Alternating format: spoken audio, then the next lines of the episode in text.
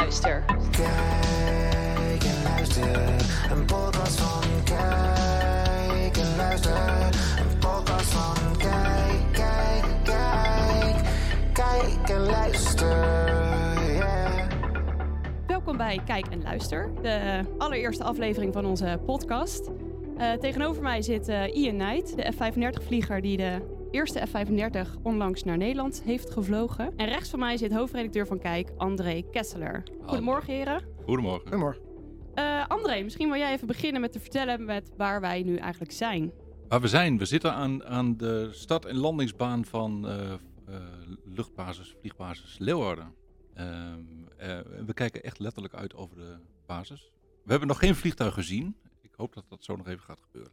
Ja, er is mij verteld dat straks het eh take-off eh, uurtje gaat beginnen, dus daar Ja. ben ik heel benieuwd naar. Ja. Ehm, ja, Ian, hartstikke gaaf dat jij eh, even tijd voor ons hebt gemaakt. Natuurlijk. Ehm, ik val maar gelijk met de deur in huis. Want waar ik zelf ontzettend benieuwd naar ben, en ik denk de luisteraars ook, is of jij een typische werkdag hebt. En hoe zo'n typische werkdag dan eruit ziet van jou. Ehm, nou ja, eig- eigenlijk wel. Ehm, een typische werkdag voor een vlieger is toch gewoon van 8 uur s ochtends tot 5 uur s middags. Maar goed, af en toe dan heb ik ook wel eens avondvliegen. En dan begin je natuurlijk iets later. En dan ben je ook rond eh, middernacht klaar. En je kan je voorstellen dat eh, mijn dag vooral is, eh, is, is niet alleen maar vliegen. Is ook zorgen voor al mijn mensen die ik hier op school heb. Maar als ik aan het vliegen ben, dan begint mijn dag meestal een uur of drie, vier voordat we de lucht in gaan. Dan begin je met planning en uiteindelijk een briefing. En dan vliegtuig opstarten, vliegen. Eh, en dan eh, uiteindelijk ga je ook eh, de hele vlucht nog een keer debrieven achteraf. Dus daar ben je dan eigenlijk wel een hele, de hele werkdag mee bezig. Maar je bent in principe dus elke dag ben je wel in de lucht te vinden. Nee, niet elke dag. Was het maar zo. Ehm, maar eh, nee, ik, ja, ik ben natuurlijk druk met allemaal andere activiteiten ook dan alleen maar vliegen. Dus als je als jonge vlieger hier op een school binnenkomt, dan vlieg je drie, vier keer in de week. En ik vlieg ehm één, twee, drie keer in de week als het, als het een beetje mee zit. Eh, maar ja, ik moet helaas ook nog andere dingen doen eh, dan eh, behalve vliegen. Kantoorwerk. Hoort Ja, er ook bij. Ja, gewoon ordinair kantoorwerk inderdaad. Ja. Maar je, je vliegt nu nog op de F-16 en de F-35 bij? Oké, nee, ik heb de laatste keer dat ik een F-16 gevlogen heb was 2014. dus en sindsdien heb ik alleen maar F-35 gevlogen. in Amerika. In Amerika en nu dus ook voor het eerst eh, hier in Nederland. Oké. Ja. En hoe is dat? Ja, schitterend. Ja? ja, jachtvliegen is natuurlijk überhaupt wel een mooi, een mooi vak. ehm, waar je heel je ziel en zaligheid in kan stoppen. Eh, en om dan met dit vliegtuig eh, te mogen vliegen, eh, wat zo modern is, dat is ook wel heel bijzonder. Is er een groot verschil tussen de F-16 en de 35?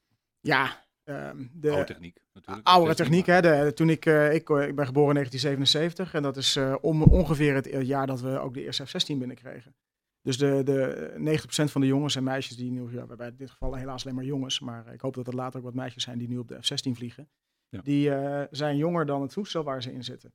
Dus het werd tijd om hem te vervangen. En wat dat betreft kun je ze eigenlijk niet met elkaar vergelijken. Hè, er zit eh, bijna 30, 40 jaar tussen die twee vliegtuigen. En eh, het is alsof je een, eh, een, eh, een, een Formule 1 auto uit eh, 1980 vergelijkt met een Formule 1 auto. Nu waar Jos Verstappen in rijdt. Ja. Ja. Dus dat is, eh, dat is een groot verschil. Ja, en dan, eh, het is natuurlijk een, het is een groter vliegtuig. Ehm, kan meer bewapening meenemen. Heeft veel betere sensoren dan een F-16 dat heeft. Eh, ook als je, eh, als je ook in de cockpit eh, voor het eerst gaat zitten, dan ja, in plaats van allemaal kleine losse schermpjes, heb je één grote iPad eigenlijk voor je, die ook op, als touchscreen werkt. En dat is, eh, ja, dat is wel prettig als vlieger. Maar het was natuurlijk zo. ehm, je bent dan jaren F-16-vlieger geweest. En dan ga je de opleiding volgen tot F-35-vlieger. Kun je een beetje vertellen hoe die opleiding eruit zag?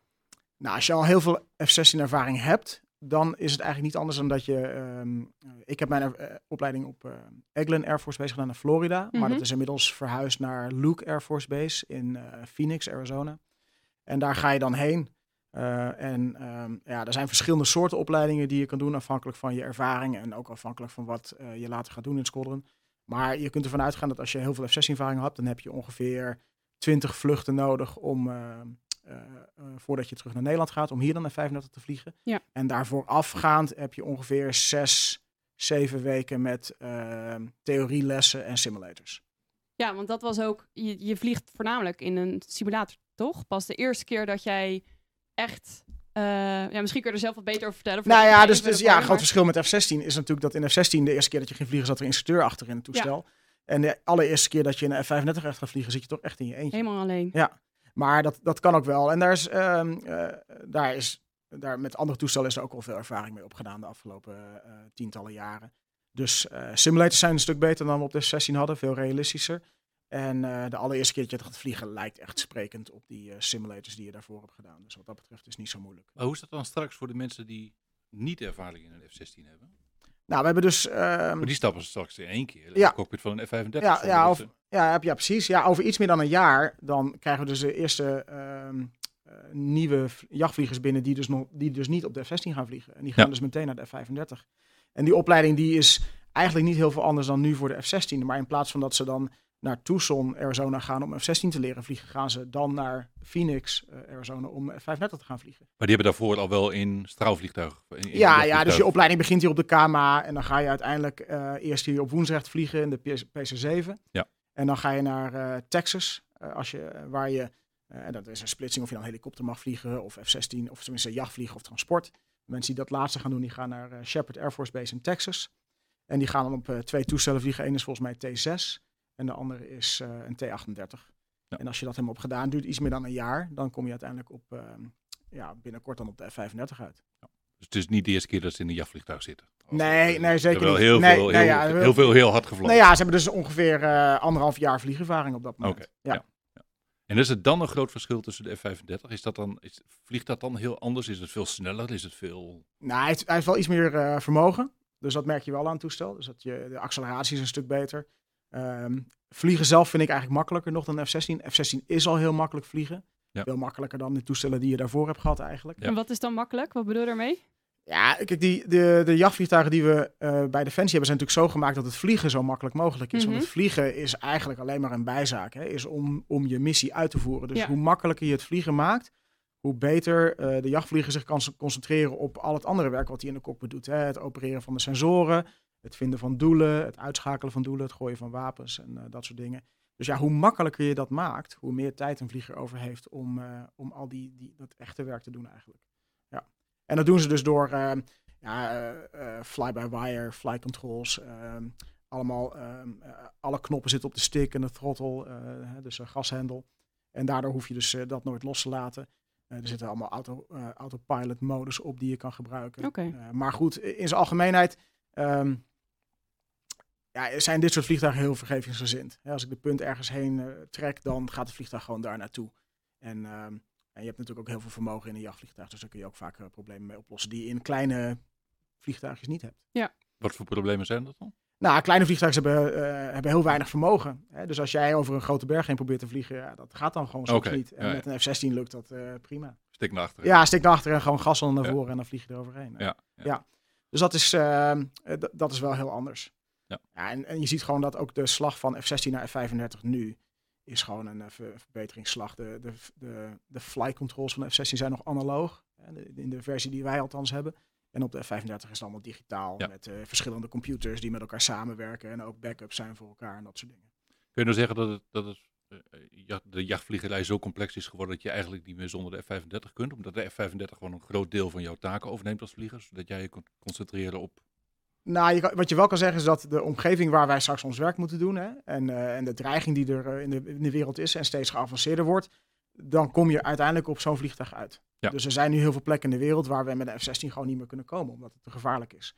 En nu is met dit vliegtuig eindelijk weer eh, is het zover dat we als luchtmacht juist wel weer die optie hebben. Om ook de mensen op de grond en de mensen zeg maar, op het water ook te ondersteunen. Op plekken waar dat met de F-16 al lang niet meer kan. Waar komt dat gevaar dan vandaan? Ja, dat zijn gewoon eh, de, de, de, de dreigingssystemen op de grond, hè, de raketten die ze op ons kunnen schieten en dat soort dingen. Ja, en vijandige, eh, vijandige jachtvliegtuigen ook, die ook steeds geavanceerder worden. Ehm, en je ziet ook dat, eh, en dat die ook steeds wijder verspreid worden op de wereld. Dus daar heb je dan dit vliegtuig voor nodig om dat te kunnen doen. Met Ja. alle capaciteiten die erbij horen. En je zei net ook, want een F-16 had heeft nog een, eh, een backseat, tenminste bepaalde eh, exemplaren van de F-16. En de F-35 heeft dat helemaal niet meer. Nee. Is dat iets wat jij heel vervelend vindt, wat je mist? Of... Nee, nee, nee, want als, je, als wij, ehm, voor ons is het eigenlijk heel normaal. Want F-16 tweezitters die Nederland heeft, die werden eigenlijk alleen maar voor opleidingen gebruikt. Oké, Dus die gingen ook nooit eh, de oorlog in, zullen maar zeggen. Nee. Ehm, en dat- wat dat betreft is een F-16 vlieger in Nederland eigenlijk altijd gewend om, eh, om in zijn eentje of haar eentje te vliegen. En ehm, dat is met de F-35 nu natuurlijk niet anders. Het enige Nee. is dus het verschil. in- Het eerste stapje is even anders. Hè? Dat je dus niet iemand hebt die over je schouder meekijkt. maar je bent gelijk je op eh, jezelf aangewezen. ja. Dus dat is, dat is eigenlijk het enige verschil. Ja. En, hoe was het dan voor jou toen je de allereerste keer in dat echte toestel ging zitten? en Ehm, opstijgen? Ja, eigenlijk heel, ehm, heel gewoon. Het is wel iets waar je natuurlijk al jaren naartoe werkt. Dus wat dat betreft is het wel een hele speciale dag. Maar het is ehm, eh, het, het vliegen zelf, die vlucht, is toch eigenlijk gewoon onderdeel van je opleiding. En zo ervaar je dat ook. Hè. Dus ik kan, ik, na de hand, als je achteraf dan terugkijkt, dan is, hebben we natuurlijk een klein feestje gebouwd. Want dat is Ja, natuurlijk wel heel, heel bijzonder. Eh, maar de vlucht zelf, ja, daar ben je toch weer gewoon bezig met leren. En, en ook die eerste vlucht is toch ook gewoon echt een opleidingsvlucht. Waarbij je moet laten zien dat je veilig het vliegtuig van A naar B kan vliegen en kan opstijgen en landen. En dat is toch waar je focus ligt. En ehm, dat zul je toch ook vaak zien. Dat jachtvliegers zijn best wel gefocust in wat ze doen. Dus dan even alle emoties, die zetten we even Zet aan de kant. opzij, we zijn ja. nu even bezig met de missie. En als Ja. je terugkomt, dan is, het, eh, dan is het wel heel bijzonder. Ja. Ging je even uit je, goed uit je dak? Ja, was wel leuk. En mijn, eh, hè, mijn, eh, mijn vrouw en kinderen waren er ook bij. Dus voor hun was het natuurlijk ook heel speciaal. Dus dat is wel heel, eh, dat is wel leuk. We hebben even een, eh, een drankje opgedronken achteraf. Ja. Er is, ge- er is geen enkele angst op het moment dat je in dat toestel Nee. even denkt van... Nee, oeh, nee helemaal niet. Nee, helemaal niet. Wat we wel hebben is dat Hmm. ehm, eh, af en toe, zeg maar, zeker in die testtoestellen, die natuurlijk vrij duur waren aan het begin, dan heel af en toe als je dan instapt, denk je van ja, ik moet, niet- ik moet, niet, ik moet niet verprutsen. Want dan gooi ik toch een hoop, eh, hoop geld weg. Ja. Dus dat, is, dat, is, dat speelt af en toe wel eens door je hoofd. Maar dat is altijd maar heel, eh, heel eventjes. Maar meer de zorg voor een ander dan voor je eigen veiligheid. Als het. Ja, ja, ja, ja, ja zeker. Nou, ik voel me heel veilig in het vliegtuig. Er zit ook een goede schietstoel in. Ik doe het ook eh, goed. Is al één keer eh, helaas zo bewezen. Maar wat dat betreft eh, heel veel vertrouwen in het toestel. En je ziet ook zeg maar dat zelfs als er dingen kapot gaan of misgaan in de lucht, dan ehm, heeft dit toestel veel meer backups dan de F-16 eigenlijk heeft. Dus ehm, je hebt ook veel meer tijd om problemen op te lossen dan we in de F-16 hebben. Waar komt die tijd dan vandaan? Hoe, eh, Ja, gewoon, gewoon backups, eh, verschillende batterijen, verschillende energie of eh, generatoren zijn meer geavanceerd en zo. Dus, dus in de F-16 eh, heb je een, een batterij, je hebt een, een noodgenerator en dan eigenlijk de generator die dan aan de motor vastzit. Ja, Ja. En in dit vliegtuig hebben we een 28 volt batterij, een 270 volt batterij, we hebben een noodgenerator, dan hebben we nog twee andere generatoren. Dus er zijn gewoon veel meer backups in dit toestel die ervoor zorgen dat als één dingetje kapot gaat, dat je eigenlijk nog veilig kan landen ook weer. Wat heb jij überhaupt geïnspireerd om vlieger te worden? Was het de film Top Gun? Of, eh, Eh, nee, niet Top Gun. Hoewel het, het natuurlijk wel een heel leuk film is. Ik ben ook heel benieuwd naar het vervolg. Maar Ja. eh, nee, ik, ik wilde eigenlijk altijd straaljagerpiloot worden. Dan toen ik heel klein was al. Ik tekende ook altijd straaljagers. Vond ik leuk. Ehm, in mijn middelbare schooltijd is dat een beetje verwaterd. Dus uiteindelijk ben ik eerst ehm, technische natuurkunde gaan studeren in Delft. mhm. Eh, dat heb ik een paar jaar gedaan en ik ging vaak op en neer met de trein naar mijn ouders. En toen op een gegeven moment sloeg ik volgens mij het, eh, een van de kranten open. Toen stond daar die hele grote eh, tekening van een F-16 cockpit. En toen dacht ik, oh ja, dat was eigenlijk ook wel leuk. En toen heb ik het, het nummer gebeld, want ik vond natuurkunde wel heel leuk. Ehm, ik mis het nog steeds wel eens, maar wat ik miste was vooral het fysieke. Het was natuurlijk heel veel nadenken Ja, en rekenen en doen, allemaal theorie. En ik eh, was altijd graag met mijn handen bezig en ook lichamelijk bezig met sport. En ehm, ik dacht dat eh, jachtvliegen misschien wel een mooie combinatie was. En dat, ja, dat, dat is het ook echt. Ja, dus je bent mentaal en fysiek eh, topprestaties aan het leveren. Ja.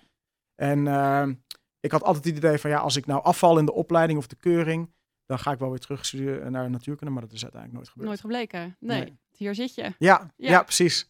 En heb je dat nooit eens een keer dat je denkt van, nou, vandaag vond ik echt zo'n baal, had ik zo'n baaldag op werk? Eh, ja, tuurlijk, dat heeft iedereen wel. Dat heeft in zijn algemeenheid niks met vliegen te maken. Alleen dat zijn vaak de andere dingen die eromheen die soms tegenzitten. Maar ehm, Vliegen zelf blijft altijd top. ja, het vliegen zelf blijft altijd top. Kijk, wat je wel hebt is naarmate je meer ervaring krijgt, op een gegeven moment heb je alles wat je in zo'n vliegtuig kan doen, heb je een keer gezien. Ja. Maar wat eigenlijk nooit saai blijft, is, ehm, of saai wordt moet ik eigenlijk zeggen, is ehm, eh, jonge vliegers iets nieuws leren. Ja, want ze weten je altijd wel te verrassen met eh, een of andere frats. Dus dat blijft altijd leuk. Instructie, Oh, ja. geven, instructie geven blijft altijd eh, heel erg leuk. En, en dat zijn wij ook eigenlijk. Hè. Dus de, de meest ervaren vliegers zijn allemaal instructeur ook. En dat houdt het, eh, dat houdt het heel erg leuk. Hey, dus de, de eerste is nu naar Nederland gekomen. Eh, is, dat ons, eerste, is dat ook ons eerste toestel? Nee, het is nu 0- 009. Ja. Dus dat is ook de- het negende toestel wat we hebben. Dus de we hebben er al acht. Er zijn er al acht, ja. Oké. De, dus de eerste twee die hebben we ehm, in 2011 en 12 gekregen, als ik me niet vergis. Eh, en toen uiteindelijk zijn we daar ehm, ja, vrij laat mee gaan vliegen. Dus in 2014 zijn de eerste eh, F-35-vliegers daar ook mee opgeleid. Die, op Eglin Air Force Base. En die zijn uiteindelijk, die vliegtuigen zijn naar Edwards Air Force Base gegaan in Californië. Waar we ehm, een testfase hebben deelgenomen en nog steeds aan deelnemen ook. Eh, mijn ops- opsofficier is nu bijvoorbeeld eh, voor, een, voor een test ook ehm, eh, wapens aan het testen deze week. En ehm, dat waren de eerste twee. Ja. En toen hebben we een tijdje eh, ehm, testen gedaan. En een paar jaar later hebben we dus toestand nummer drie tot en met acht hebben we afgeleverd gekregen. En die zijn naar Luke Air Force Base gegaan, waar de opleidingen zijn. Dus dat, dat is eigenlijk hoe de verdeling nu is. En dan negen hier en sinds gisteren ook nummer 10. Oh, gisteren zelfs? Ja. Wauw. Ja, gistermiddag is eh, nummer 10 geland. Ja, die staat nu dus hier in de schuur. En Was dat ook nog een dingetje? Staat Eh, in de schuur, zeg je. Eh, nou ja, die staat, kijk, wat, wat je doet is als je zo'n vliegtuig afneemt, dan, eh, hè, dan we zijn we zijn er ook bij de fabricage bij en het in elkaar zetten. Maar ja, het is toch een duur apparaat, dus als je hem afneemt, dan ga je, gaan we ehm steeksproefverwijs wat dingen checken, wat onderdelen checken, wat eh, serienummers en dat soort dingen allemaal. Zodat ook alle data die met zo'n vliegtuig wordt aangeleverd, ook eh, correct is. Ja. Eh, want al dat, het hele vliegtuig staat eigenlijk virtueel ook in een computersysteem wat we hier hebben. Dus als wij in het vliegtuig een onderdeeltje uitbouwen, dan wordt het ook in het computersysteem uitgebouwd. En als het vervangen moet worden, kunnen we het op die manier bestellen. Dus wat je ziet is dat als het vliegtuig afgeleverd wordt, hebben we een week of twee, drie nodig om die eh, hele inspectie eigenlijk af te ronden. En dan kunnen we voor het eerst gaan vliegen. Dus dat was ook wat hier gebeurde met eh 009. Die kwam op 31 oktober aan. En eh, ongeveer drie weken, vier weken later zijn we er voor het eerst mee gaan vliegen. Ja. Ja, dus 10 staat nu in de schuur. Voor precies die reden. Ja. Ja. En over drie weken mag die dus ongeveer... Ja, eh, ja half januari. Dan, Ja. ja. er zit natuurlijk een kerstperiode tussen. Dus dan, ja, dan, eh, mensen hebben ook eh, keihard gewerkt de afgelopen weken. Dus die mogen ook genieten even van wat rust. Dus we gaan niet, eh, eh, we gaan niet alles op alles zetten om ook eh, meteen 1 januari zeg maar, met dat ding te gaan vliegen. Dus het wordt eigenlijk half januari gaat het worden. En wanneer komt, de, wanneer komt de eerstvolgende dan? Eh, ja, dan, dan gaat er een paar maanden overheen. Dus ik verwacht ergens eind maart, begin april dat dan eh, F011 binnenkomt. En dan elke zes, zeven weken volgt er weer een vliegtuig. Totdat Oké, we de dan gaat eerste het acht- hard. Ja, totdat we de eerste acht binnen hebben. En dat loopt dan eigenlijk zo door. Het gaat best wel snel dan. Ja. Ja. Ja. Ja. Oké. En betekent dat het ook op, eh, dat als er eentje bij komt, dat er dan ook een F-16 afgaat? Of werkt dat niet zo? Eh, nee, dat werkt niet zo. En ik ben niet de expert op het afbouw F-16 eh, eh, plan. Maar eh, ehm, zoals we, ehm, wat we hier gaan doen, is we gaan hier eigenlijk een, een squadron opbouwen. Een squadron heeft in zijn algemeenheid eh, eh, 15 vliegtuigen. En we gaan hier iets langer door. Tot we er volgens mij 19 hebben. En dan pakken we zes vliegtuigen op en die verhuizen we in één keer naar Volkel toe. Oké. En eh, wat je dus zult zien is dat we hier dus eerder stoppen met F-16 vliegen op Leeuwarden dan op Volkel. Eh, en, en eigenlijk stoppen met F-16 vliegen als we het gewoon eh, niet meer kunnen volhouden. Dus als we niet meer de mensen hebben en de vliegers eh, getraind kunnen houden om ook die F-16 te kunnen vliegen. En hoe bouw je dat nou eigenlijk op, zo'n squadron? Nou, in eerste plaats is het tijdens de testfase gebeurd. Dus een van de dingen die we daar deden was niet alleen maar het vliegtuig testen, maar ook onze manier van werken testen. Van hoe, hoe gaan we nou met dit nieuwe vliegtuig om en hoe eh, bouwen we ervaring op. Dus we hebben daar 30, 35 mensen die eh, de afgelopen jaren heel veel ervaring hebben opgebouwd. En die zitten voor het grootste gedeelte nu hier. En dat is dus de basis waar ehm, eh, dit squadron nu eh, op, eh, op gaat doorbouwen. En dan komen er nog heel veel mensen uit, eh uit Leeuwarden en de omgeving en de rest van Nederland eh, bij. Ja, en zo probeer je eh, langzaam met, dat kleine, met die kleine kern probeer je die ervaring te verspreiden. Eh, op alle vlakken. Hè. Op het nou, of het nou eh, beveiliging is, of IT, of onderhoud, of, of het vliegen zelf. Proberen we zeg maar, langzaam het squadron steeds groter te maken. En dat duurt een tijd. Ja. Alle mensen zijn daar al voor opgeleid. Dus alle, alle vliegers zijn het in principe al? Of Nee, nee, nee, nee, nee, nog lang niet. Dus, dus ja, nu hebben we hier drie opgeleide vliegers. Eh, Ja. Waarvan één jongen, ehm, die is eh, in oktober, heeft hij zijn opleiding afgerond. Nou, die heeft dan eh 30, eh 40 uur, eh, 35 ervaring. Dat is natuurlijk niet zo heel veel. Dus die zou ook niet zo op uitzending kunnen. Er gaat nog een heel oefenprogramma, Ja. komt er achteraf. En hetzelfde geldt eigenlijk voor het onderhoudspersoneel. Die hebben natuurlijk op dit moment 15, 20 jaar sleutelervaring op de F-16. En ehm, die hebben dan wel een F-35 opleiding gekregen. Maar daarna moeten ze nog een heel traject in wat dan on-the-job training heet. Hè. Dan gaan ze dus eh, ehm, samen met een, eh, een monteur die wel heel veel F-35 ervaring heeft, gaan ze dus klussen uitvoeren. Totdat we het vertrouwen hebben dat ook die monteur zelfstandig aan een F-35 kan sleutelen. En er zijn Ja. allemaal eisen voor en eh, ook eh, luchtvaartwetgeving die, de, die zeg maar, ons een bepaald traject laten doorlopen, zodat die mensen ook veilig zeg maar, een vliegtuig kunnen vrijgeven om mee te gaan vliegen. Ja. Dus, dat, dus dat is, ja, je hebt dan wel je opleiding gehad, maar dat betekent nog niet dat je ehm, eigenlijk helemaal zelfstandig eh, aan het werk kunt. Er gaat best wel een tijd overheen. Ja. En zo'n simulator die staat dus alleen in Amerika. Nee, we hebben hier achter je hebben we Oh. er eh, vier staan in een groot gebouw. Oké, Dus oh, wat gaaf. eh, ja, ja. En eh, vier stuks. Dus dat is, eh, en dan komen er op volken komen er ook vier. En ehm, ja, daar trainen we ook dagelijks in eigenlijk.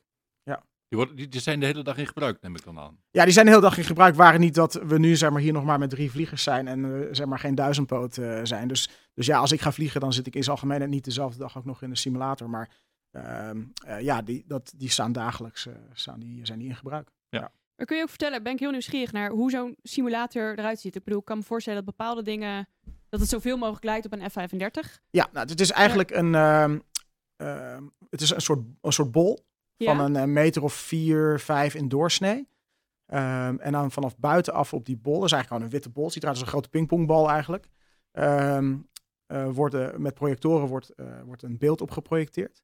En dat zie je dan aan de binnenkant van die bol. En die cockpit van de F-35 is alleen een cockpitje gebouwd. Die, die rij je dan naar binnen. Dus die gaat op rails, schuift hij naar binnen. En dan gaat hij omhoog tot hij echt een soort van in het midden van dat bolletje zit. Mhm. En eh, de cockpit zelf beweegt niet. Dus de simula- deze simulator staat stil. Hè. Er zijn ook simulatoren die bewegen. Maar dat is voor eh, jachtvliegers niet echt eh, heel erg nodig. En dan zit je in die bol en dan eh, beweegt de buitenwereld beweegt eigenlijk om je heen. Dus, dat, Ah. dus het beeld wat je dan ziet, dat, eh, dat beweegt afhankelijk van hoe jij dan in die cockpit aan het sturen bent. En ja, voor de rest, die cockpit is niet van een echte F-35 te onderscheiden. Hetzelfde scherm, Oh ja. we hebben dezelfde soort helm op, eh, precies dezelfde knoppen. En eh, ja, daar, daar oefenen we dus eh, noodprocedures in. Dus eh, je kan in die simulator natuurlijk fantastisch dingen laten stuk gaan, die je in de lucht liever niet wil dat ze stuk gaan. En zo oefenen we al onze noodprocedures. En eh, daarnaast oefenen we ook onze tactische missies. Dus dan koppelen we twee, drie, vier simulatoren aan elkaar. En dan gaan we gewoon met z'n vieren vliegen.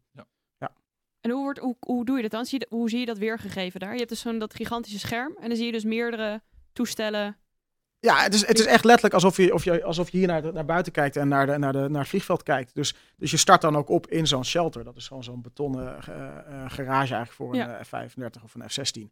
En daar start je in op en dan rij je naar buiten. En dan rij je echt alsof je gewoon hier over de start- en rolbanenstelsel rijdt. Zo voelt het ook echt. Op Zo voelt het ook echt. dat je in een simulator Ja, ja, ja, ja, ja als je, ook, je kunt er ook naast staan. We hebben wel eens een keer bezoek gehad. Ja, mensen die, die vallen dan om, zeg maar, omdat de hele wereld natuurlijk om hen Oh, heen ja. beweegt. Ja. En dat, dat zijn ze dan niet gewend. Ja, maar het is heel, heel waarheidsgetrouw. Oké, wauw. Ja. Hey, ik heb wel eens gehoord dat, dat je, we, we eigenlijk op het moment dat je zo'n nieuw toestel krijgt of in gebruik neemt, dat je eigenlijk nog niet weet wat zo'n toestel allemaal kan. Ehm, en dat je pas op een oefening als Red Flag, eh, waarbij je een grote internationale oefening, waarbij je samen gaat oefenen, dat je dan pas leert wat je eigenlijk kunt en wat je niet kunt. Is dat zo? Kun je Ehm, er iets over vertellen? Nou, kijk, het vliegtuig wordt natuurlijk wel gewoon ontworpen om een bepaalde missie te doen. Ja. En ehm, wat, ze dus, wat ze dus doen is ze zeggen van oké, het vliegtuig moet zo hard gaan, het moet zo ver kunnen, het moet op deze afstand eh, doelen kunnen detecteren, of het nou op de grond of op de lucht is. Het eh, moet eh, elektronische oorlogvoering kunnen doen, dus Ja. het moet een, een, een jammer hebben, he- heet het dan. En, en daar zijn allemaal eisen aangesteld. En dan gaat de fabrikant gaat dat ding bouwen. En, ehm, en een van de dingen juist die wij ook in de testfase hebben gedaan is oké, ehm, Lockheed Martin doet dat ding nou echt wat het hoort te doen ook. Ja. En, en wij hebben in, op Edwards Air Force Base hebben we niet zozeer gekeken van oké, hoe hard kan die, hoe hoog kan die? Dat is eigenlijk iets wat gebeurt voordat wij, bij, eh, voordat wij het vliegtuig krijgen. Maar als de, de echte testvliegers dat vliegtuig helemaal eh, getest hebben, van oké, alle knopjes doen wat ze doen, hij gaat zo hard als hij hoort te gaan, dan wordt hij, eh, toen werd hij aan ons gegeven en toen gingen wij kijken van oké, kunnen we dan ook echt de missies ermee uitvoeren? Ja. En, dat is, en dat is wat we in de testfase hebben gedaan. Dat is een heel belangrijk aspect natuurlijk van zo'n nieuw vliegtuig kopen. Dat je ook checkt of die doet wat hij hoort te doen en of je de missies ermee kan uitvoeren. En dan merk je ook van, nou ja, dus dan wat de fabrikant had eh, bedacht van, nou, ik kan op deze eh, afstand het doel eh, detecteren. En dat blijkt dan bijvoorbeeld dat je dat veel verder kan. En hoe pas je dan je tactieken daarop aan? Dat is ook dingen waar we naar kijken.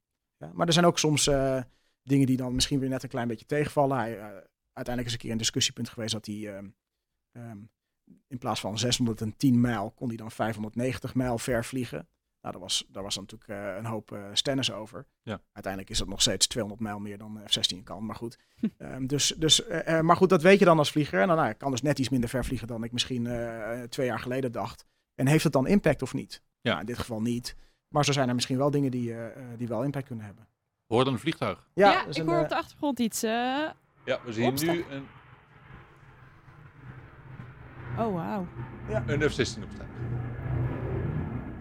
Ja, dat is de tweede wave van F-16's die de lucht in gaan. Wauw. Blijft spectaculair. Ja, blijft, Absoluut. eh, ik vind dat ook nog steeds mooi om Voor te jou, zien. steeds al die jaren. Ja, ik vond het mooi. En er waren hier gisteren ook eh, twee Chinooks en twee Apaches. En dat is ook schitterend om te Oh, zien. dat is ook Dus, leuk. eh, ja, Ja, ja. Ja. dus wat dat betreft eh mooi hoor. er gaan er nog meer. Gaat er nog een, wauw. Het blijft. ik zie je lachen. Ja. Ja, dit is wel een heel mooi gezicht. Ja. Maar zelf vlieg jij dus nooit meer in zo'n F-16? Nee. Nee, ik denk als je me een checklist zou geven met een simulator stoppen, dat ik het vrij snel weer onder de knie zou hebben. Maar eh, nee, in principe niet. Het is niet iets wat we eh, helemaal uitsluiten, dat we dat in de toekomst, hè, vooral als we heel veel mensen van de F-16 naar de F-35 aan het overhevelen zijn, dat we dat misschien niet gaan doen. Maar in principe eh, doe je dat niet. Nee. Nee. Niet We onmogelijk. hadden het even over die, die, de- de- het nieuwe leerboek als het ware. Eh, maar er zitten dus een heleboel aspecten in eh, die anders uit kunnen vallen. Eh, Eh, bespreek je dat dan ook met, eh, met, je, met je partners? Of met je, niet met je partner, maar met, je, met, je, met andere landen? Met, eh, je bedoelt qua opleidingen? Ja. Ehm, nou, kijk, we, de opleidingen zijn in zijn algemeenheid worden die door de, door de Amerikaanse luchtmacht gebouwd. Ja. Die hebben er ook heel veel ervaring in. Wij kijken er natuurlijk mee mee, praten mee, proberen input te leveren ook. Ehm, maar goed, Luke Air Force Base is een Amerikaanse trainingsbasis. En eh, onze vliegtuigen maken onderdeel uit van een pool van vliegtuigen daar. Waar Nederlanders en in een squadron waar we daar zijn en Amerikanen ook opgeleid worden. En, eh, maar goed, er zijn ook eh, Noorse collega's die op Luke Air Force Base worden opgeleid. En er zijn Australische collega's geweest. En, ehm, dus ja, samen bouw je proberen zeg maar, ook als coalitie die ervaring op te doen die je nodig hebt straks om ook samen op uitzending te gaan en dat soort dingen. Ja. Ja. Dus heel veel samenwerking. En eigenlijk niet anders dan dat we op de F-16 al die jaren ook al gedaan hebben. Ondertussen vliegt, eh, stijgt er weer. Is het een F-16? Ja, dat zijn geen F-35's, want Nee, we nee. hebben één keer dat gevlogen vandaag. niet. Jawel, ik heb er net in gevlogen. Oh, je hebt Alleen- net niet Oh, gevlogen? Ja, ja, Oh, ja, oké. ja. We hebben langs de kust en eh, door eh, Noord-Brabant gevlogen. Oh, wauw. Och, wat leuk. Maar dat is iets wat je niet in een simulator kunt trainen, toch? Die G-krachten die je gaat ervaren in een F-35-toestel. Dat kan je niet, eh, dat kan je niet trainen. En, Blijf je eh, daar ook soort van, moet je dat blijven updaten, soort van die, die, dat je daar tegen kunt? Of is het gewoon, als je er iemand tegen kunt, kun je heel Ja, even dus, dus, dus een bepaalde eh, ademhalingstechniek die je gebruikt om tegen hoge G-krachten bestand te zijn. Maar ja, het is, het is niet iets wat je in een simulator kan oefenen. Dus ja, het, het echt vliegen blijft natuurlijk ook heel belangrijk. Ja. Ehm, en het enige wat die betere simulator ons geeft die we nu hebben, is dat, we er, ja, dat het een nog betere aanvulling is op ons vliegprogramma. Eh, maar goed, je, je kan nooit ehm, eh, alles in een simulator doen. Dat gaat gewoon niet. Nee, nee. En daar ben ik altijd ontzettend door gefascineerd door wat, wat G-krachten ook met je lichaam doen. Kun je nog die eerste keer herinneren dat je, nou wat is het, 7, 8G? Ja, dus de, de F-35 kan 9G trekken. Ja. Ja, dus dat betekent als, eh, als je hoofd weegt ongeveer 10 kilo, moet je je voorstellen. Dus als je 9G trekt, weegt je hoofd 90 kilo. Mhm. Plus nog een helm die je op je hoofd hebt. Ja, dus dat geeft wel een zekere belasting. Hè. Je hart wordt ook een soort worst, omdat dat natuurlijk allemaal eh, eh, naar beneden zakt. Ehm, en wat je ook hebt is, ehm, en dat is vooral als je een tijdje niet heel veel G getrokken hebt, is dat eh, de haarvaten in je armen, je benen en je rug, die, die spatten dan uit elkaar. Dus dan Oh. krijg je kleine, allemaal kleine bloeduitstortingjes. Oh ja? ja, Oh, voel je, in één keer voel je alsof je arm slaapt. Eh, maar goed, dat is, eh, duurt een seconde en dan gaat het weg. Noemen ze de G- G-measles, noemen ze dat. Oh, een soort van eh, G-mazelen. Ehm, maar goed, kijk, het idee erachter is dat je dus je hebt een G-broek aan. Die blaast zichzelf op. En het, eh, het belangrijkste bij eh, heel veel G-trek is dat je eh, zoveel mogelijk bloed in je hoofd houdt. Hè? Want op Ja. het moment dat het bloed uit je hoofd wegtrekt, dan val je flauw. En dan ja, is, eh, ehm, met, de, met de nieuwste F-35 software die we hebben, dan kan het vliegtuig je uiteindelijk wel redden. Want die zorgt ervoor dat je niet neerstort. Ehm, anders dan bijvoorbeeld op de F-16. Dan had je een probleem. Ja, dan heb je een probleem. Ja, en. Dat, is ook, ehm, eh, dat is ook altijd een zorg voor jachtvliegers. Hè. Dat noemen ze G-lock. Dus eh, G-induced loss of consciousness. Dat je bewusteloos raakt door heel veel G-krachten. Ja, en dan ben je 30, 40 seconden bewusteloos. En dat is te lang. Ja. Dan, meestal dan ehm, eh, vliegen mensen de grond in tegen de tijd dat ze weer bijkomen. En wat je dus doet, is je probeert dus met die G-broek die je hebt... en eigenlijk gewoon te persen, alsof je op de wc zit... probeer je zeg maar, het bloed naar je hoofd te stuwen. En op die manier ehm, eh, niet bewusteloos te raken. Blijf je alert. Ja. Ja, en dat is eh, iets waar, waar in de opleiding heel veel aandacht aan gegeven wordt. Waar, waar ook, eh, hè, dus dan, eh, alles wordt natuurlijk opgenomen en gefilmd. En dan in de debrief kijken ze ook, en dan proberen ze ook dat die, die ademhalingstechniek proberen ze ook te analyseren of het wel goed is. Niet te snel, niet te langzaam, weet je, dat soort dingen allemaal. Ja. Ja. Je, je noemde net die, die helm al even. Jullie hebben ook echt zo'n die peperdure supersonische Ja, ja, helm. ja, su- super, Ja? super dure helm. Ja, Ja. ja. Hoe is dat? Dat moet heel raar zijn, want je ziet eigenlijk het toestel niet, begrijp ik. Hè? Nou, Eh, dat, dat kan. Kijk, het is eh, in heel veel opzichten niet anders dan de F-16 helm die we nu hebben. Kijk, ook een F-16 helm heeft, eh, die kan ehm, bepaalde symbolen op het vizier van de vlieger projecteren. Ja. En als ik dan naar links of naar rechts kijk, of ik heb een, eh, ik heb, eh, op de radar heb ik een, een vliegtuig eh, ge- opgelokt. Dus die, ehm, dan tekent de helm tekent daar een keurig groen vierkantje omheen. En als ik dan naar linksboven kijk, dan zie ik, als ik dan door dat vierkantje heen kijk, dan kan ik dat vliegtuig gewoon zien. Wauw. Hè, dus ook eh, op eh, hele grote afstand, als ik het vliegtuig nog niet kan zien, dan weet ik wel van oké, het zit ongeveer in die richting. Dat is wel heel nuttig. Maar wat een eh, F-16 nog heeft, heeft ook nog een head-up display. En die hebben we op de F-35 niet. Dus de helm vervangt ook dat hele stu- dure stukje eh, apparatuur wat we op de F-16 hebben. Dat hebben we dus nu niet meer. Wat is Dus dat? Dat head-up De- display? ja, dat is een stu- zo'n glazen plaat Ja. eh, waar dan hetzelfde eigenlijk wordt ingeprojecteerd. Oké. En, ehm, maar dat is natuurlijk alleen maar voor je. Dus eh, een van de besparingen die ze op de 35 hebben gedaan, is die hele head-up display weglaten. En dus ja, de helm is inderdaad heel duur. Maar eigenlijk is het een geldbesparing, omdat je die head-up display ook niet meer hebt. Oké. Nou, dan, dan wat we anders doen op eh, de F35 met de helm, is dat op een F35 zitten rondom het vliegtuig zes infraroodcamera's. Eh, die worden eigenlijk gebruikt voor. eh, nou, gaan, gaan ze weer herrie maken? Ja, Ja. komt er weer een voorbij. Wauw. Maar dat zijn er zes in de twee in de vleugels, kan ik me voorstellen. Eentje voorin, eentje achterin. Nee, nee niet exact. Dus er zitten er twee op de buik. Eh, Ja. Eentje kijkt naar voren, eentje kijkt naar achter. Dan zit er eentje vlak voor de canopy, dus op de neus van het toestel. Ja. Die kijkt naar voren. En er zit er eentje nog achter de canopy, die kijkt eh, naar achteren. En Ja. er zitten nog twee aan de zijkant, eh, zijkant van de cockpit, die kijken links en rechts. En die infraroodcamera's, die maken eigenlijk een, ehm, een, een, ja, een 3D, of niet een 3D, maar een, een, een, 360 graden rondom het vliegtuig een beeld van de buitenwereld in infrarood. En die gebruiken we om vijandige raketten te detecteren. Dus als Ja. er op ons geschoten zou worden, ja, dan zien ze die raketontbranding. En dan krijgen wij een waarschuwing als vlieger van oké, er komt nu een raket aan. Je moet, eh, je moet, een uit, of, je moet proberen eh, uit te wijken of er van weg te vliegen. Maar dat infraroodbeeld kun je ook eh, gebruiken om te zien. Hè? Want Ja. als je s'nachts wil vliegen, dan, dan is infrarood natuurlijk een prima manier om nog te kijken. En dat beeld wat die camera's maken, dat kan op ons vizier ook geprojecteerd worden. Als een soort virtual reality Ja. helm. Ja. Ehm, en als ik dan naar links kijk, ja, dan zie ik wat de linkercamera kijkt. Als ik voor me kijk, dan zie ik wat de eh, voorste camera kijkt. En als ik naar beneden kijk, ja, dan is het een combinatie van. En die beelden worden allemaal tegen elkaar aangelijmd. Eh, en zo kan je dus ro- rondom je, om je heen kijken. Maar voelt Ja. het dan ook alsof je in de losse ruimte zweeft? Of Nee, heb je nog nee. altijd wel het idee van ik zit in een vliegtuig? Eh, je hebt nog altijd het idee dat je in het vliegtuig zit. Je vliegt er ook vast. Hè? Je hebt Ja. vliegtuig Ja, ja, dat aan, dus dat scheelt. Eh, je moet nog steeds het scherm ook wat voor je is gebruiken. Eh, want daar staat, eh, dus we gebruiken het eigenlijk eh, puur als referentie om te, om te vliegen. Dus om, de, om, om eigenlijk te kunnen vliegen alsof het dag is. Dat is, wat we, dat is waar we het Ja. voor gebruiken. En ik, ik weet dat er op internet, zeg maar, dan zie je altijd mensen van ja, je kan door je benen heen kijken. Ja, dat, dat kan inderdaad. Dat zou kunnen als ik het wilde, maar dat is, dat komt niet echt heel veel vaak. Dat zou toevallig dat er een doel ergens onder het vliegtuig moeten zijn, wat ik dan graag zou willen zien. Ehm, maar eh, we gebruiken het meer als gewoon als referentie. Dus Ja. eh, en je hebt een horizon, je kan de wolken zien, je kan andere vliegtuigen zien. Ja. En eh, dat helpt heel erg met het vliegen. En die helm is echt helemaal op maat gemaakt, hè? Die is echt alleen maar voor jou, of is dat niet? Ja, die helm is op maat gemaakt en op mijn ogen ook afgesteld. Want er zitten dus twee projectoren in die het beeld projecteren op het vizier. En eentje is voor mijn linkeroog en eentje is voor mijn rechteroog. En die moeten ook zo afgesteld zijn dat ze ook precies op mijn netvlies vallen. Want anders zie je alles dubbel. Oké. Ehm, en dat, eh, ja, dat zou natuurlijk vervelend zijn. Ja. Dus eh, ja, dat is even een secuur werkje. eh, maar dat ja, kost een ochtend eh, met eh, de experts die we hier beneden hebben zitten. En die kunnen dat eh, perfect afstellen. En, waar dan- bewaar je nou zo'n helm? Ja, die helm wordt eh, achter slot en grendel hier bewaard. Ja, Eh, dus eh, ja. En ehm, eh, die houden die jongens hier beneden gewoon. houden, ze, ja, houden ze niet in de gaten. Maar ze zorgen voor die helm. Ze onderhouden de helm. En eh, ja, is het netjes schoon in een kastje. Ja.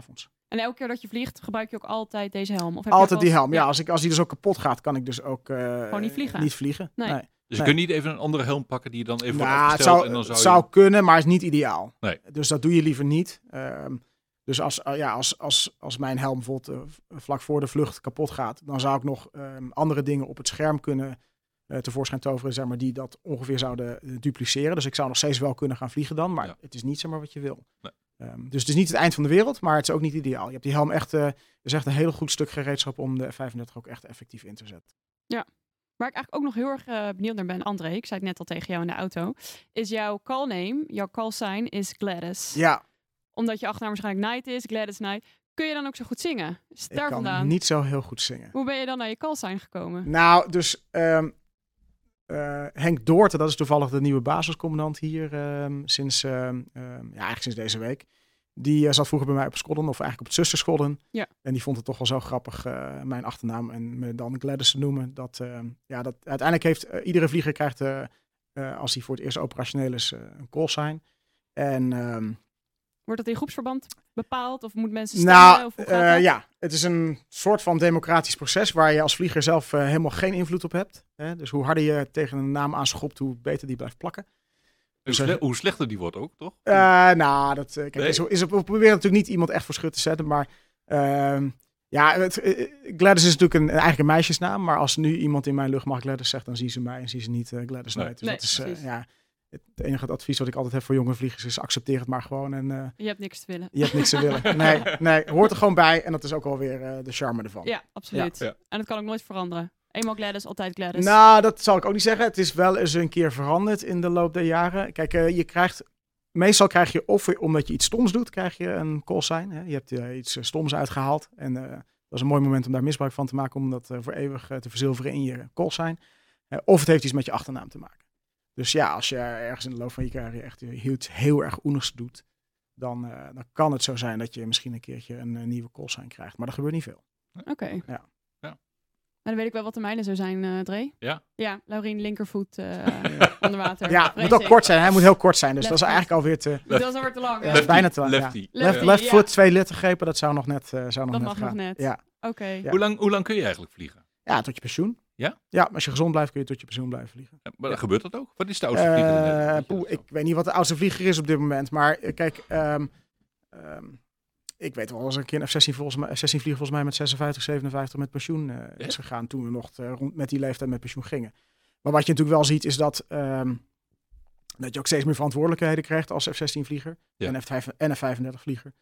Ehm, en dat, ehm, ja, dat, die, dat die verantwoordelijkheden soms ook wel eens een keer in het weg zitten van het vliegen. Ja. Maar gelukkig eh, zijn de, de, de, de jongste telgeneraals die we hebben ook eh, heel goed in blijven vliegen. Dus eh, en dat, dat zie ik altijd graag. Want het is ook belangrijk, denk ik, als, als leiding binnen de luchtmacht. Om ook te blijven vliegen. Omdat je anders het gevoel kwijtraakt bij Ja. wat er nou precies op de werkvloer gebeurt. Dus dat is denk ik heel belangrijk. Oké. Je hebt het wel consequent over vlieger. Waar- waarom mogen we geen piloten zeggen eigenlijk? En piloten vliegen bij de KLM. Ja? Alleen maar bij de KLM. Nee, ja, dat is eh, historisch. Wij zijn jachtvliegers, kortvliegers. En eh, piloten vliegen bij de luchtvaartmaatschappijen. Ja, dat is denk ik het onderscheid. Eh, je ziet het bij de Amerikanen ook. Hè. Ze noemen het, bij de Air Force noemen ze het wel weer pilots. En bij de, eh, eh, bij de Amerikaanse marine noemen ze het aviator. Oké. Dus ja. Ja. Eh, maar wij noemen het vliegers. Is dat ook jouw toekomst of niet? Nou, nee, niet zomaar. Nee, Nee, niet nee, zo. Nee. Nee, ik, eh, wat ik nu doe bevalt me zeer. Ja. Eh, ik mag het nog de komende zes maanden doen, denk ik. En dan, dan gaat een, eh, een andere squadroncommandant mij vervangen. En wat, we daarna, wat ik daarna ga doen, dat zullen we nog zien. Nog geen plannen voor. Nog geen plan B. Nee, Eh, ik heb daar nog geen plan voor. Nee, Nee. misschien de luchtmacht wel, maar ik nog niet. nee. Ja. Hey, en ik zie op jou, eh, hoe mag ik het noemen, overal? Ja. Ja. Ehm, zie ik een, een, een, een symbool van een papegaai en er staat niet praten, maar doen. Ja, Is dat van jouw squadron, het motto? Of? Ja, ja dus ehm, het is een beetje moeilijk nu, want we hebben een 322 squadron, eh, wat nog F-16 vliegt hier op het vliegveld. Maar ehm 322 squadron is ook het oudste squadron van de Nederlandse luchtmacht. Heeft ook in de Tweede Wereldoorlog gevlogen, dus een hele rijke historie. En eh, uiteindelijk, zeg maar, als 322 stopt met F-16 vliegen, dan gaat die naam over naar het squadron waar ik nu de commandant van ben. Maar omdat je natuurlijk ook gewoon ehm, ook eh, een, een bepaald imago moet hebben. Hè. Je moet ook, eh, ook een beetje historie hebben om zo'n nieuwe club op te bouwen. Hebben we hier de afspraak gemaakt dat ook alle ehm, mannen en vrouwen hier op dit squadron ook gewoon met de 322 patch eh, rondlopen. En we noemen ons ook gewoon eh, 322 squadron. Ja. Maar die, die, het squadron waar jij dus commandant van bent, heeft eigenlijk al een nieuwe naam. Nee, dus dat wordt straks. Hè, we, zijn, ja, we zijn dan. eh, Het heeft nog eigenlijk geen naam. Nee. Dat heeft allemaal te maken met reorganisaties. Een beetje een saai onderwerp. Maar, Ja. ehm, ehm, maar we gaan, het squadron gaat straks 322 squadron heten. En we noemen het ook al 322 Ja. squadron. Dus dat is ook wel wat ik ervoor gebruik. Ja, en, en niet praten, maar doen is vanaf het allereerste begin van dit squadron al, eh, al sinds de Tweede Wereldoorlog het motto. Wauw. En waar ik ook nog toch wel even nieuwsgierig naar ben, is hoe het percentage man-vrouw hier is. Eh, het percentage is voornamelijk mannen. Ja. Maar we hebben wel vrouwen ook eh, eh, binnen het squadron. Zie je daar al een stijgende lijn in nu? Of Ehm, blijft het nog redelijk hetzelfde? ja, ik zie daar niet de stijgende lijn in helaas. Ik denk dat het wel heel goed zou zijn. Ja. Ehm, maar ja, ik heb twee dochters en die willen allebei jachtvlieger worden. Dus ik hoop zeg maar dat over een jaar of vier, vijf dat dat dan langzaam gaat beginnen. Dus ja, ik, ik denk juist het jachtvliegen is iets wat vrouwen ook heel goed kunnen, denk ik.